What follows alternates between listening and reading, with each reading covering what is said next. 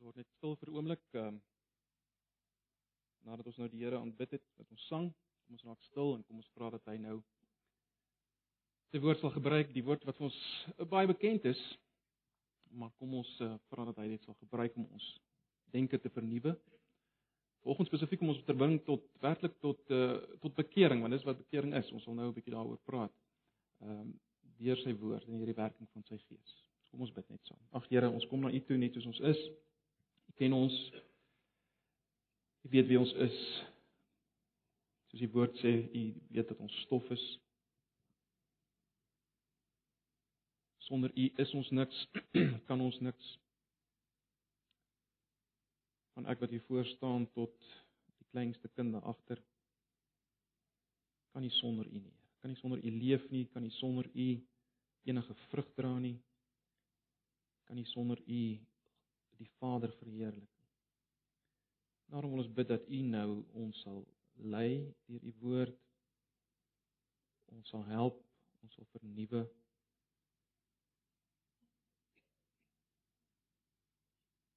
op 'n besondere manier volgens. Ook as ons die tekens gaan gebruik wat dit dit waaroor ons praat gaan gaan bevestig as te ware. Asseblief. Ons vra dit in Jesus se naam.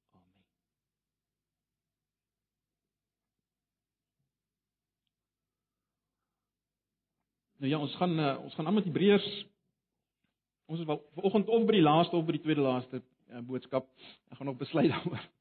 Ehm um, Hebreërs 13 Eh, vers 9 tot 16 is 'n gedeelte waaroor julle waarskynlik al preke gehoor het. Ek het self al hieroor gepreek, so baie van julle sal baie van die dinge waarskynlik uh van dit onthou. Ek gaan 'n bietjie uit uit 'n ander hoek daarna kyk. So dis die laaste hoofstuk ehm um, ons het uh, nee, twee sonna gelede, nê, nee, toe, toe ek aan die beurt was twee sonna gelede gekyk na die eerste 8 verse van Hebreërs 13. Nou kyk ons na hoofstuk 13 9 tot 16. Moet julle nie laat meevoer deur allerlei vreemde leringe nie. Die goeie is daarin geleë dat die hart deur genade versterk word, nie deur eetgebruike nie. Die wat hulle aan hierdie gebruike gehou het, het niks daarbey gebaat nie. Ons het 'n altaar waarvan die wat nog die offerdiens volgens die ou orde verrig, nie die reg het om te eet nie. Die bloed van die offerdiere word deur die hoofpriester in die heiligdom ingebring vir die sonde, maar hulle liggame word buitekant die laar verbrand. Daarom het Jesus ook buite kan die stadspoorte gelei om die volk deur sy eie bloed aan hulle sonde van hulle sonde te reinig. Laat ons dan nou uitgaan na hom toe buite kan die laar en die smaad dra wat hy gedra het. Want ons het in hierdie wêreld geen vaste verblyfplek nie. Ons is op soek na die toekomstige. Laat ons dan onophoudelik deur Jesus aan God 'n offer van lof bring, die lof wat aan hom gebring word deur die lippe wat sy naam bely. Moenie nalat om goed te doen en met dit deelsaam te wees nie, want dis die offers wat vir God aanneemlik is. Dis die offers wat vir God aanneemlik is, net so. Ek wonder of julle nog kan onthou wat is die eerste stelling van Luther se 95 stellings? Vra ek vra of julle nog kan onthou want op 'n stadium het ek hieroor gepraat. Ehm uh, want is iets wat ek eers baie laat in my lewe regtig agtergekom het wat was die eerste stelling van sy 95 stellings? Want mense dink gewoonlik dit gaan net oor eh, regverdigmaking deur geloof. Maar die eerste stelling van Luther se 95 stellings wat hy daar vasgekap het in die kerkdeur van Wittenberg lê min of meer so. Ons Heer en Meester Jesus Christus wil hê dat die hele lewe van gelowiges een van bekering sal wees. Ons Heer en Meester wil hê dat die hele lewe van gelowiges een van bekering sal wees. Dis die eerste stelling van Nou, waarvan Nietzsche hier praat is natuurlik nie aanvanklike bekering nie. Uh, in Engels gebruik ons die term conversion, in Afrikaans het ons net een term bekering, né? Maar hy praat nie van die aanvanklike kom na Jesus in bekering en geloof, uh die moment waarin jy as te ware, as jy dit so kan stel, 'n Christen word nie. Dis nie waarvan hy hier praat in sy eerste stelling nie. Hy praat ook nie uh, met ander woorde oor regverdigmaking. Uh waaroor hy natuurlik baie baie praat in sy teologie nie. Hy praat nie hier in sy eerste stelling oor regverdigmaking uh as jy deur geloof en bekering uh na Jesus vlug en en voor God staan geklee met Jesus se lewe in jou plek nie. Dis nie waarvan hy praat. Uh, hy sê met ander woorde en dis belangrik, hy sê nie jy moet elke dag weer 'n Christen word. Met ander woorde, uh Hy sê nie jy's eendag nie 'n Christen nie en dan is jy weer 'n Christen en jy moet elke dag weer 'n Christen word of so iets. Dis nie wat Luther sê nie. Wat Luther sê, waarvan hy praat, is die feit dat jy as 'n Christen daagliks jou denke moet vernuwe oor wat dit beteken om Jesus te volg. Daagliks moet jy jou denke vernuwe oor wat dit beteken om Jesus te volg. En dis bekering, is dit nie? Uh, julle sal weet die woord metanoia uh, in Grieks uh, wat ons met bekering vertaal, beteken letterlik 'n verandering in jou denke wat lei tot 'n verandering in jou optrede. Nee, dis metanoia. Verandering hier wat lei tot 'n verandering van hoe jy gaan leef, hoe jy gaan optree. Nou, ek wil dit waag om te sê die die die skrywer van die Hebreërbrief in hierdie laaste paar verse roep hy as te ware sy lesers weer op tot 'n bekering. Hy gebruik nie die woord nie, hoor. Hy gebruik nie die woord nie, maar dit is implisiet hier. Hy hy roep sy lesers op tot so bekering, so verandering van denke wat sal lei tot 'n nuwe manier van lewe. Dis wat hy doen in hierdie vers. Nou kom ons kyk eerstens as dit is wat ons sê hy hier doen, waarvan moes hulle hulle bekeer? Waaroor moes hulle hulle denke verander? Wel, kom ons kyk net eers na vers 9. Hy praat hier van die feit dat hy sê, moet julle nie laat meevoer deur allerlei vreemde lering nie, Die goeie is daarin geleer dat die hart deur genade versterk word, nie deur eetgebruike nie. So hulle moes hulle denke verander, hulle moes breek in hulle denke met met sekere leringe wat die gemeente bedreig het, bedreig uh, het wat daar verkondig is en en en dit in diepste het daaroor gegaan dat eetgebruike, soos hy dit stel, uh kan jou versterk. So hulle moes hulle denke hieroor verander oor die feit dat eet sekere eetgebruike kan jou hart versterk en nie net genade nie. Dis waaroor hulle hulle denke as te ware moes verander. Nou, ek weet vir ons maak dit nie lekker sin nie, nee. Dis een van daai gevalle uh wat dit vir ons ver voel, dit waarvan hy praat. So kom ons gaan net ek kom gee net so 'n bietjie agtergrond. Waaroor gaan dit hier as hy praat van hierdie uh hierdie hierdie gevaar om om jou hart te laat versterk deur eetgebruike. Nou, Julle sal weet en ons ons sê dit dwars deur Hebreërs gesien dat daar was natuurlik altyd die gevaar by hierdie ouens gewees om terug te beweeg na die sogenaamde ou verbond, die verbond uh, met Moses of die sogenaamde wet van Moses en al daai gebruike. Die gevaar by die Hebreër lesers was gedurig dat hulle terugbeweeg soontoe in plaas daarvan dat hulle vashou aan Jesus en dit wat hy gedoen het. Die evangelie. Nou een so gebruik uh wanneer hulle geneig was om terug te gaan of of wat ek so stel wat 'n groot invloed gehad het op hulle was die sogenaamde kultiese maaltye. Nou in die Ou Testament sien mens dit, as jy nou studie doen van die Ou Testament, sien jy dat ehm uh, wanneer offers gebring is, is 'n sekere deel daarvan as 'n maaltyd geëet, né? 'n uh, Sekere deel is verbrand, 'n sekere deel is geëet uh wanneer daar offers gebring is. En dit geëet by die altaar. By die altaar eet jy dan 'n sekere deel van hierdie offer. Uh dit word die gemeenskapsmaal genoem en dit het gewoonlik hand aan hand gegaan met die sogenaamde dankoffer nee, sogenaamde dankoffer. Nou die oortuiging was dat hierdie maaltye jou versterk het. Geestelik as te ware versterk het. Om die waarheid te sê, eh, daar was selfs die gedagte gewees dat dit jou as te ware deel gee aan God, nê. Nee, een maak met God hierdie hierdie ete. Nou wat gebeur het in die Hebreër gemeente waarskynlik ehm um, is dat die ouens hierdie maaltye as te ware nagemaak het. Nou daar's debat of van hulle selfs Jerusalem toe gegaan het om dit daar in die tempel te doen, maar maar oor die algemeen lyk dit my kan mense sê hulle het dit probeer namaak. Hierdie hierdie maaltyd sodat hulle versterk kon word deur hierdie offermaaltyd. So dis dis wat dis waaroor dit hier gaan. Dis waaroor die skrywer uh praat hier. Met ander woorde, hulle wou so versterk word. So waar dit die skrywer skrywer hier waarsku, uh is dat hulle geestelike versterking en eenheid met God gesoek het buite die genade van God in Jesus. Dit waaroor julle brief uh, julle boek Hebreërs gaan. Dis waaroor dit gaan. Hulle soek versterking geestelik. Hulle soek eenheid met God buite die genade van God in Jesus. Dit waaroor julle boek Hebreërs gaan. En dit is wat die skrywer hier aanspreek. Dis waarvan hulle hulle moes bekeer. Dis waaroor hulle hulle denke moes verander. So dis waarvan hulle moes bekeer. Dis die eerste punt. Die tweede ding wat ons met mekaar vra is waar na toe moes hulle nou bekeer? Wel ons nou reeds implisiet gesê dat hulle hulle moes hulle denke vernuwe, hulle moes besef dat onder die nuwe verbond waar waaronder hulle nou leef, word jy nie versterk, kry jy nie deel aan God deur deur deur sekere maaltye nie, maar deur die genade. Ons het nou reeds implisiet gesê. In vers 10 gaan die skrywer so ver as te uh, so ver om te sê dat uh, Christene het eintlik 'n altaar waarvan hulle eet.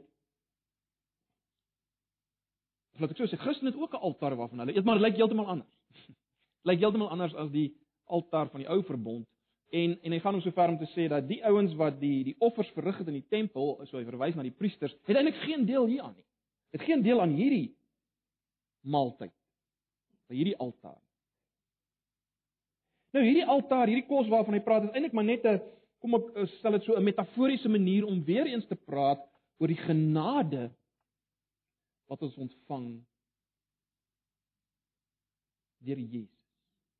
As gevolg van die werk van Jesus, dit waaroor Hebreërs boek gaan. Dis ons kos waarvan hy praat.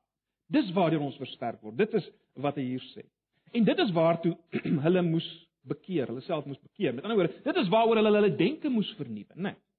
En daarom kom die skrywer nou uh, in in die volgende verse en wat hy kom doen is hy kom herinner hulle opnuut aan wat Jesus gedoen het. Nou natuurlik het hy dit baie deeglik gedoen. Ons het daarna gekyk. Julle wat in die selgroepe daarmee gewerk het of by die vroue Bybelstudie weet waaroor gaan Hebreërs. Dis waar dit ten diepste gaan. Hy kom wys wat het Jesus gedoen en hoeveel beter dit is as wat in die ou verbond uh, plaasgevind. Maar hy kom doen dit nou hier weer.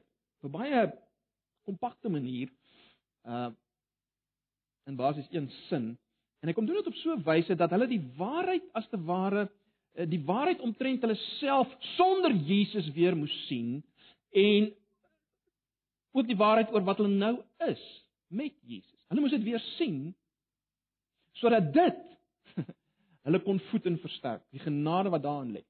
Uh, hy wil hê hulle moet dit op 'n radikale manier sien, hoor op 'n baie baie radikale manier en hy wil hê dit moet hulle so beïnvloed dat dit sal lei tot 'n totaal ander lewenstyl, 'n baie radikale lewenstyl vir hulle tyd in die milieu waarin hulle hulle bevind het, 'n baie baie anderste radikale lewenstyl. So dis waarna toe hy wil hê hulle moet beweeg. Dis waarna toe hy wil hê hierdie bekering moet lei, hierdie verandering van denke, hierdie ander optrede wat daaruit voortvloei. So hier's amper so so laaste poging wat hy aanwend onder leiding van die Gees om hulle op te beroep tot bekering.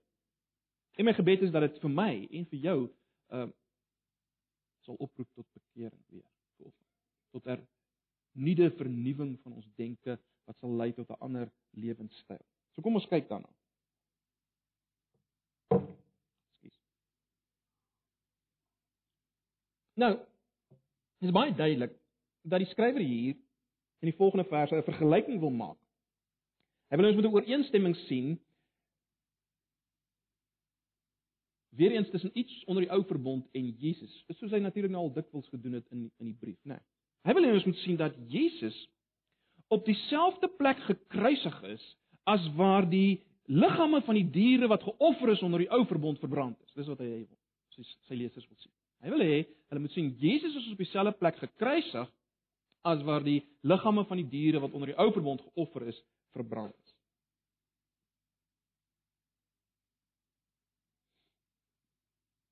En hy doen dit sodat ons opnuut weer eens iets sal besef van wat Jesus gedoen het. Ah, ek meen dis wat hy doen in Hebreërs, né? Nee, hy hy vat ons heeltyd terug na wat het Jesus gedoen? Uh, as ons dit vergelyk met die ou verbond en dan sien ons dit duideliker. sien ons dit beter. So kom ons vertoe vir 'n oomblik hier. Kom ons kyk eerstens, hy verwys na die hele kwessie van buite die laar. Hy sê die hierdie offerdiere se liggame is buite die laar verbrand. Nou Ons moet onsself afvra, wat sou hierdie die begrip buite die laar, wat 'n prentjie sou dit by die eerste lesers wat 'n prentjie sou in hulle gedagtes opkom? Waar sou hulle gedink het as as daar gepraat is oor buite die laar? Wel, hulle sou gedink het aan die dae toe die volk in die woestyn was. Onthou, hulle het natuurlik baie meer gepraat oor hierdie goed as ons. Hulle dit is oorgedra van geslag tot geslag en dis natuurlik in die geskrifte wat hulle gelees het en en en daaraan sou hulle gedink het. Hulle sou hulle sou gedink het aan hierdie omheinde gebied met die tabernakel in die middel. Aan die buitekant uh van hierdie omheinde gebied buite hierdie afgekampte deel met ander woorde was daar 'n soort niemandsland. En dis waarna hulle so goed dink. Dis wat hulle as te ware sou gevisualiseer het. Dit was die plek wat bekend was as buitekandilaar. Almal het geweet dit was die plek buitekandilaar. En hierdie plek is geassosieer met sekere klasse mense. Kom ons dink vir 'n oomblik daar daaroor. In die eerste plek, buitekandilaar moes die vreemdelinge bly. Dis die ouens wat nie deel was van Israel nie. Maar jy kon nie binne kandilaar wees as jy nie deel was van die volk nie. Uh Efesiërs 2 vers 12 praat van die ouens wat soos ons vreemdelinge ten opsigte van die burgerskap van Israel in die verbonde is. En dis die ouens wat buite kandilaar. So dit was vreemdelinge. Maar buite kandilaar het jy ook die malaatses gevind. Die malaatses. Julle sal weet malaatsheid is wel ten minste beskou as aansteeklik. Daar is natuurlik debat of dit regtig aansteeklik is. Maar hulle is hulle is hulle is verban en hulle was buite die kamp. Onversorg, uitgesluit van al die voorregte, dis waar hulle self bevind het. En dan was daar ook as mens dit so kan stel, die die wetsverbrekers en kriminele. Hoekom sê ek so? Wel want want want buite kan die laar was die gevreesde plek van teregstelling vir wetsverbrekers en kriminele. Volgens die wet van Moses is doodstraf gegee vir egbreekers, vir sabbatsverbrekers, vir afgodsdienaars en vir moordenaars. Hulle is gestenig buite kan die laar. So dis wat jy kry buite kan die laar. En dan sekerlik herinner hierdie gedeelte ons aan die aan die mees weersinwekkende aspek van buitekant die laar. Buitekant die laar was die plek waar die liggame van die diere wie se bloed in die allerheiligste gesprinkel is, dis waar hierdie liggame verbrand is. Nou onthou nou, die liggaam van die dier waarop die sonde van die persoon uh wat die offer gebring is, die, die, die sy sonde simbolies op hierdie dier geplaas. Onthou dit. En as hierdie dier sterf, geslag word, dan beteken dit hy's vervloek. Dis belangrik. Hy's vervloek as gevolg van sy sonde. Die sonde van die persoon wat wat die offer gebring het wat op hierdie dier geplaas is, né? Nee. En dis belangrik om om om om om dit te weet. Met ander woorde, as hierdie dier verbrand is, is dit 'n bewys daarvan dat hy vervloek is, dat hy vir God weersinwekkend is in so 'n mate dat hy verbrand moes word. Hy kan nie hierdie dier kan nie meer voor God bestaan nie want hy's gelaai met sonde wat vervloek is. Want dis wat sonde is. Dit bring jou onder die vloek van God. So, dis baie belangrik. Dis die diere wat buite kan die laar verbrand is. So dag na dag hierdie as mens dit so kan stel, die rook vanaf die la, vanaf hierdie buitekant van die laar opgestyg in die in die in die, in die stank van hierdie vervloekte diere het gehang oor hierdie plek buite kan die laar. So dis wat ons buite kan die laar vind, né? Nee, dis 'n plek vir vreemdelinge, dis 'n plek vir malaatses, dis waar die kriminele gekruisig is in die in die in die en die wetsverbrekers en dis waar sonde vervloekte afval gegooi is. Dis waar sonde vervloekte afval gegooi is. En wat die skrywer nou wil doen, dis baie duidelik is dit nie? Hy wil hê ons moet sien dat Jesus na die geestelike ewebeeld van hierdie plek gegaan het met sy kruis sodat hy ons kon heilig met sy bloed. Die werklike plek waar Jesus gekruisig is was natuurlik buite die stad. Maar is interessant, né? Nee, uh, julle sal weet buite Jerusalem was net so 'n plek gewees soos buite die laar, net so afstootlik. Dit word genoem die plek van die hoofskedel, Golgotha.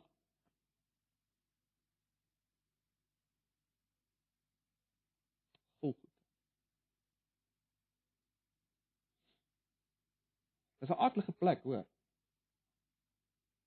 Dat ook altyd so rook getrek. Stank gehang. En dis waar die beeld van Jesus van die wurm wat nooit vrek nie vandaan kom. Want hulle altyd iets gehad om te eet. Dit was volgoed. Maar ons moet baie mooi verstaan, die Bybel sê hierdie plek waarna hy gegaan het was ons plek. Dis die plek waar ek en jy hoor. 2 Korintiërs 5 vers 21 sê dit so duidelik. Lees die 53 vertaling want hy Dis God het hom, dis Jesus wat geen sonde geken het nie. Sonde vir ons gemaak sodat ons kon word geregtigheid van God in hom. Ons sê so maklik Jesus het my plek geneem. Sê dit so maklik, né? Nee. Maar as ons mooi hieroor dink, broers en susters, dan word ons geskok. Want soos nêrens anders nie sien ons hier wat is ons karakter voor God? Waar waar hoort ons eintlik?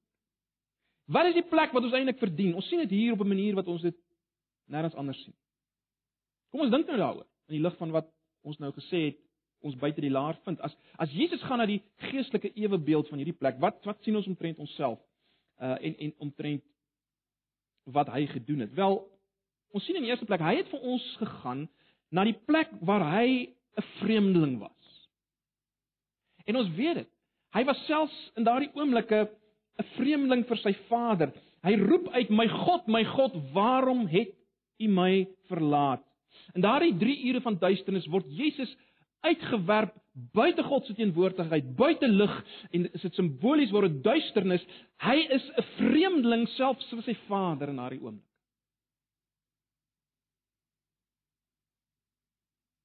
Ons moet verstaan sonde aan die beginstadium is sonde iets wat wat veroorsaak dat jy God verlaat.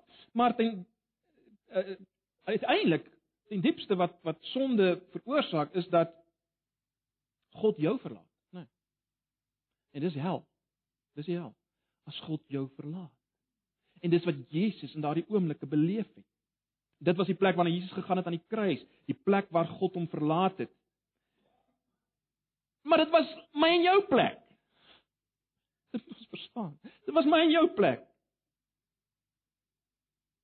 Ons sin was die vloek wat hy gedra het. Ons sin was die Godverlatenheid wat hy gedra het. En ons moet dit verstaan. Ons moet volgende dit weer raak sien. Die logika is natuurlik onontkombaar, né? Nee. Indien God hom verlaat het die oomblik wanneer hy ons plek neem. Wat sê dit van my en jou posisie voor God. Wel dit sê ons kan nie voor hom kom nie. Dit sê van ons ons is vreemdelinge voor God in verhouding tot God. So dis die eerste plek wat Jesus ingeneem het vir ons as vreemdeling. Maar hy het ook 'n plek ingeneem as morele melaatse. Morele melaatse. Dit is nie fisies melaatse, morele melaatse. Dit word natuurlik geïmpliseer in die res van die Bybel ook. Daar's 'n interessante vers in Jesaja 53 vers 4. Uh Ongelukkig moet mense dit weer in die in die meer in die letterlike vertaling lees, dan sien mense dit mooier raak. Kom ek lees dit net vir julle. Jesaja 53 vers 4. Daai aangrypende hoofstuk oor wat Jesus gedoen het. Daar lees ons nogtans het hy, dis onthou nou op hierdie stadium in Jesaja 53 is nie eers duidelik wie dit was nie. Ons weet, hier word gepraat van Jesus. Luister, nogtans het hy ons krankhede op hom geneem en ons smarte deed hy gedra, maar ons het hom gehou vir een wat geplaag deur God geslaan en verdruk was. Nou, die woord geplaag hier in die Hebreëus impliseer melaatsheid. Julle moet maar my my woord daarvoor vat. Deur die hele Bybel egter word word melaatsheid eintlik gebruik as 'n as 'n sekere in 'n sekere sin as 'n illustrasie van sonde, né? Nee. Kyk, melaatsheid is 'n baie subtiele siekte. Dit begin klein, Uh maar uiteindelik verander dit jou in 'n monster.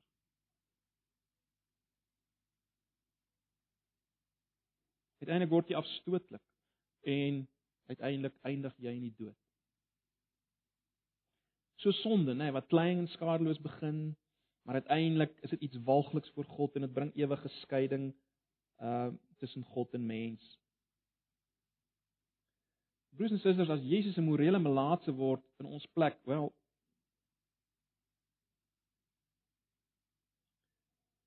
Dis onbeskryflike veragting wat aan ons kant hoor, is dit nie? En Jesus neem dit gewillig in vir ons. Gewillig. Hoekom doen hy dit? Hoekom neem hy so 'n lae plek in? Wel die antwoord is hy doen dit omdat dit is hoe ek en jy voor God lyk. As hy ons wou verlos, dan moes hy dit doen. Dis wat dit beteken. Hy neem in die plek in want hy wil ons red. Van die uiteindelike uiteinde van hierdie morele melaatsheid. En hy doen dit want ons uit ons lief. Hy doen dit uit liefde.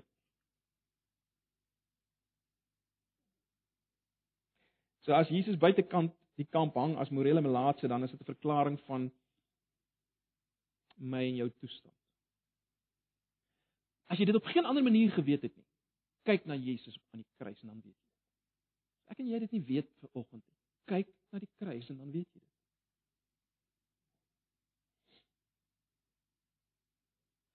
Ons steek so baie maklik ons ons onreinhede en ons perversiteit en immoraliteit. Ons steek dit so baie maklik weg vir mekaar. Maar hier aan die kruis word dit openlik gemaak. Openbloot vir almal om te sien. As Jesus openbloot sterf, dan sê hy, dis hoe jy lyk.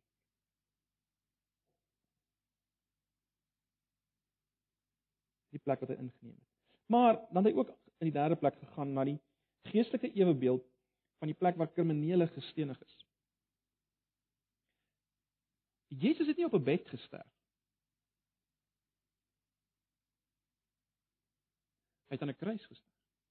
Wat beteken hy het gesterf op die plek waar die mees veragterlike oortreders gesterf het. Hy word gekruisig, ons weet saam met twee misdadigers. As jy verbygeloop het daar, sou jy tot geen ander konklusie kon kom as dat hierdie man in die middel is ook 'n misdadiger, 'n absolute krimineel. Jy sou tot geen ander oortuiging konklusie kon kom, afleiding kon kom. Hierdie man is 'n misdadiger, 'n krimineel. Die verstommende ding is natuurlik hy hy het niks gedoen om dit te ontken nie. Hy het nie gesê wow wow wow, jy maak 'n fout. Of jy moet dit onthou, dis nie vir my oortreding wat ek hier hang nie. Ek is nie 'n krimineel nie. Hy bly stil, lees ons in dieselfde Jesaja 53, né? Nee, hy het nie sy stem uit uit geen sin sy mond oopgemaak. Hy bly stil. Hy neem dit op hom gewilliglik. Hy word gereken saam met die misdadigers. Gaan lees maar Jesaja 53 vers 12. Hy's gewillig om dit te doen. Nou, Dis verseker so dat die res van die Bybel dit ook duidelik maak dat ek en jy misdadigers, kriminele is, né? Nee. Jesus kom en hy sê, hy wat sy broer haat, is 'n moordenaar. Hy wat sy broer haat, is 'n moordenaar. Jesus gaan verder en hy sê, hy wat na 'n vrou kyk en haar begeer, pleeg egbreek. En as ons nou verder gaan en ons krap 'n bietjie dieper en ons dink daaraan broers en susters dat Jesus eintlik ons ouer broer genoem word En as die Bybel duidelik maak ons het deel aan die dood van Jesus, dan beteken dit ek en jy staan ook skuldig aan broedermoord en kan dit wees godsmoord? Want hy was ook God. Jy sien, dit is geweldig, is dit nie? Ek sê ons sien dit in die res van die skrif, maar al sou ons dit nêrens anders sien in die Bybel nie, dan sien ons dit die oomblik as ons kyk na die kruis. Dis waar ons dit sien. Op Golgotha word dit openlik verklaar Ek en jy absoluut krimineel. Absoluut. Dis daar. Moordenaar.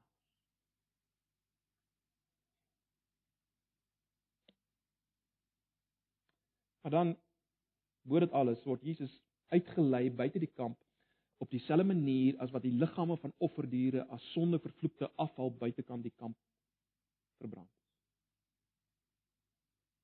En geen woorde kan eintlik die dieptes hiervan pyl nie, is dit. Jesus sterf as sonde vervloekte afval voor God. Nie omdat hy dit is nie, omdat ek en jy dit is.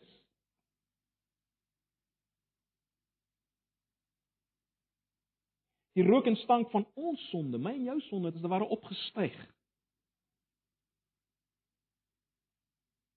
van die plek waar hy gesterf. Broers en susters, Dis so belangrik dat ons hierdie goed vat. Kyk, ons ons is geneig om mekaar onder die indruk te bring dat ons vreeslik ernstig en vroom is.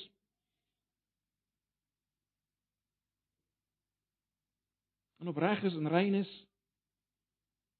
Maar en jy moet onthou, ten diepste is ons dit wat ons is voor die kruis, sonder Jesus. Ja, die genade vat hy ons verder maak hy ons nie. Maar sonder hom, ons moet dit verstaan, sonder hom is ons steeds dit. Dis hoekom dit so belangrik is om aan hom te bly en om hom aan te hang, want sonder hom is ek steeds dit wat ons hier sien. Ons sien hier wat ek is buiten Jesus. Julle hoor wat ek sê. Dis nie net 'n prentjie van wat ons was nie, dis 'n prentjie van wat ons steeds is sonder Jesus. Dis wat ek en jy steeds is sonder Jesus. Dan sien ons net hoe belangrik dit is as Jesus in Johannes 15 sê bly in my, bly in my, bly in my. Sonder my kan julle niks doen nie. Bly in my.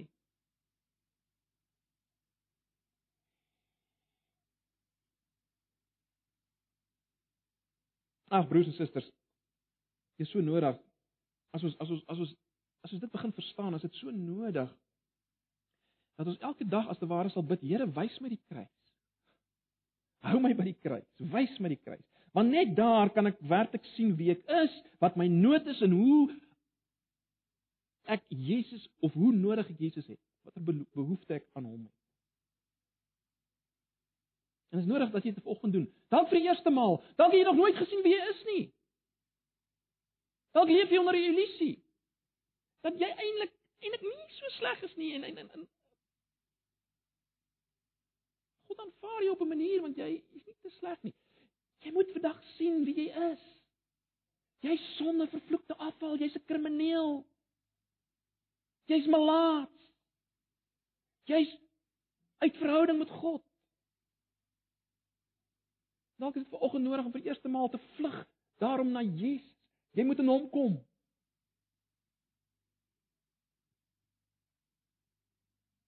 Die meeste van ons waarskynlik moet dit weer opnuut doen vir oggend. Opnuut kom. Ons moet weer en weer kom.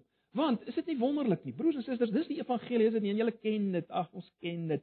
Juis omdat hy ons plek geneem het. Juis omdat hy ons plek geneem het en hy het opgestaan as 'n bewys God aanvaar dit wat hy daar gedoen het. Omdat dit gebeur het, wat is ons situasie nou? Wat is ons toestand nou in Jesus? In Jesus. Wel, ons is nie meer vreemdelinge nie. Efesiërs 2 maak dit so mooi in vers 19. Hy sê ons is nou ons is nou huisgenote van God. Ons is met ander woorde familie. Ons 'n deel aan hierdie verbonde en so meer. Ons is nie meer vreemdelinge. So dis die eerste ding. Ons is nie meer melaatses nie. Die Bybel sê ons is rein gewas. Hebreërs praat baie daarvan ons is gereinig deur sy bloed. Ons ken die uitdrukking, want dis wat dit beteken.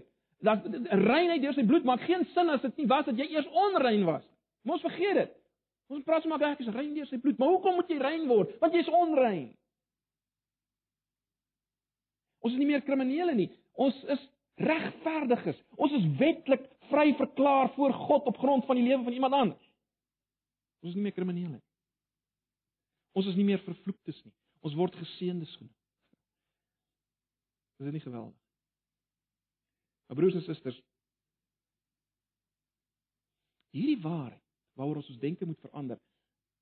En volgens vers 13 en vers 16 'n geweldige appel wat dit maak op ons lewens, is dit nie? Kyk weer na vers 13 tot 16.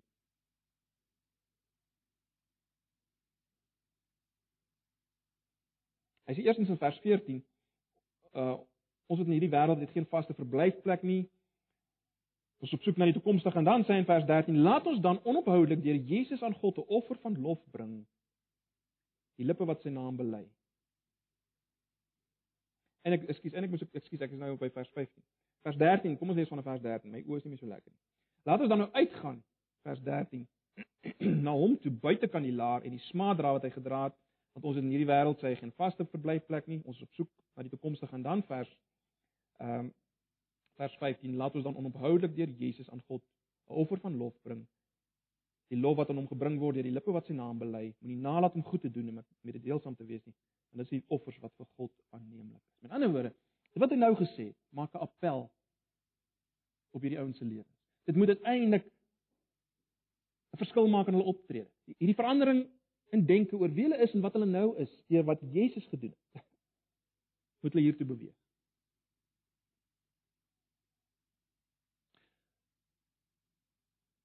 Om op 'n manier te doen wat Jesus gedoen het, maar natuurlik met die verskil dat ons dit nie ons kan nie ons kan nie plaasvervangende offer bring soos Jesus nie, maar ons kan wel offers bring. Ons kan buitekant die laar gaan. Dis die punt.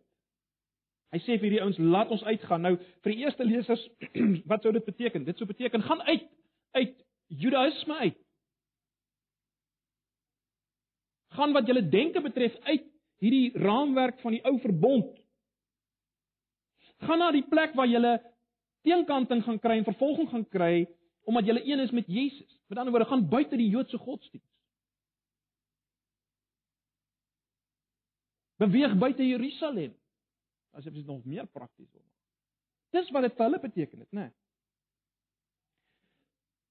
Julle godsdienstbeoefening, Hebreërs lesers, moet heeltemal anders lyk. Julle moenie teruggaan na die Ou Testamentiese offers en offermaaltye nie. Nee nee nee, julle moet onophoudelik deur Jesus aan God 'n offer bring daar buite die laar. Buite die gemak van die ou stelsel. Wat is die offer wat jy moet bring? Wel, die lippe wat sy naam bely. Jy moet hom groot maak. Verder moet jy goed doen en mededeelsaam wees. Dit word offers genoem hoekom? Want dit gaan iets kos. Dit gaan niks kos om te bly binne die Judaïsme. Met ander woorde die ou verbondstelsel. Maar dit gaan iets kos as jy buite kan die laar gaan. En daarom word hierdie goed offers genoem. Maak sy naam groot. Wees mededeelsaam buite kan die laar. Wat sou dit vir ons beteken broers? Wat sou dit vir ons beteken? Wel sekerlik ook dat ons moet begin beweeg na die wat daar buite is. Die vreemdelinge, die kriminele, die malaatses, die vervloektes. Ek dink die, die implikasie is dit. Jy vind hulle dan buite kan die laar en ons moet dan nou buite kan die laar die smaad van Jesus dra. Dan nou word ja, ons kan nie ons kan nie vir hulle sterf soos Jesus in hulle plek nie, maar maar, maar ons moet ook buite kan die laar gaan en ons moet Jesus se naam daar groot maak. Buite kan die gemaksig van hierdie van hierdie gebou, buite kan die gemaksig van jou jou jou jou jou jou geestelike Christelike vriendekring. Ek dink dis die implikasies. Watter offers? Wel die offers van die lippe wat sy naam bely, wat hom lof bring en groot maak. Daar, daar, daar, buite kan die laar. Dis die dis die gedagte hier, is dit nie? Buite kan die laar. Goed doen en mededeelsaamheid. Buite kan die laar lyk dit vir my.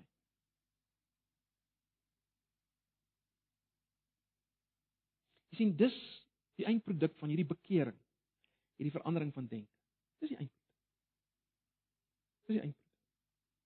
En dis waar ons mekaar moet aanmoedig, broers en susters, moet aanspoor in hierdie gemeente, in ons selgroepe. Kom ons doen dit. Kom ons herinner mekaar aan dit wat God wil hê. Ek sluit af soos ek begin het. Het jy dalk 'n bekering nodig? Ek moet dit vir myself vra. Het jy dalk 'n bekering nodig vanoggend? 'n Bekering met ander woorde 'n vernuwing van denke oor alles wat jy op hierdie oomblik gebruik om jouself te versterk en jou nader aan God te bring. Soos daai ouens die maaltye gebruik het. Dit mag baie dinge wees. Dit mag jou kennis van teologie wees en al jou geestelike boeke wees en ehm um, jou getrouheid om te bid. Wat dit mag maak maak saak. Enigiets wat jy as te ware op vertrou aan vashou om jou te versterk nader aan God te bring buiten die genade van God en Jesus wat ons volgens gesien het dit wat hy gedoen het dit wat ons nou hier fisies gaan sien. Dan jy bekering nodig. Dan moet jy nie begin dink. Wegdraai van die ou denke.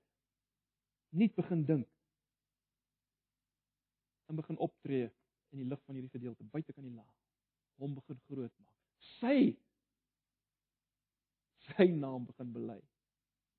Ag elkeen van julle moet myself hieroor gaan dink. Waarvan moet ek bekeer? Wat wat buite die genade van God en Jesus. Waarna ek vashou, waarmee ek besig is, waarmee ek my tyd ombring. Skien moet ons nou doen gaan 'n paar oomblikke gee dat ons elkeen stil word voor ons voor die Here bely waar jy nodig het om te bely, vernuwe jou denke. In lig van hierdie gedeelte, bring jouself voor die Here. En dan gaan ons saam die nagmaal gebruik sodat die Here kan kom en en vir ons nou kan versterk deur hierdie maaltyd wat hy wel gegee het om ons te versterk. Iets anders as die offermaaltyd waarna toe hulle teruggegaan het. Dis 'n teken van die finale offer. En Jesus het bedoel dat dit ons moet versterk want dit gaan oor genade, né? Nee, dis 'n genademaal. So kom ons raak 'n paar oomblikke stil voor ons oorgaan na die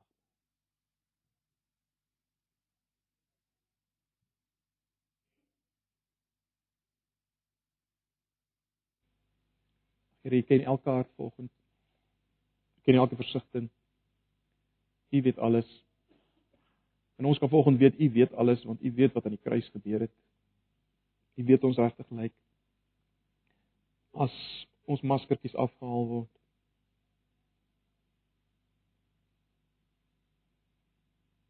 Daarom kom ons maar net na U toe, Here Jesus, waar anders kan ons wees as by U? Ons kan aan niks anders pas soos U en dit wat U vir ons gedoen het nie en ons wil dit vanoggend weer doen. Ons wil nou vra dat U dit as te ware vir ons sal laat proe. Ons sal laat voel as ons ook nou hierdie tekens kan gebruik. Dit wat U vir ons gedoen het. As 'n volkomme offer in ons plek. Asseblief, ons vra dit in Jesus se naam.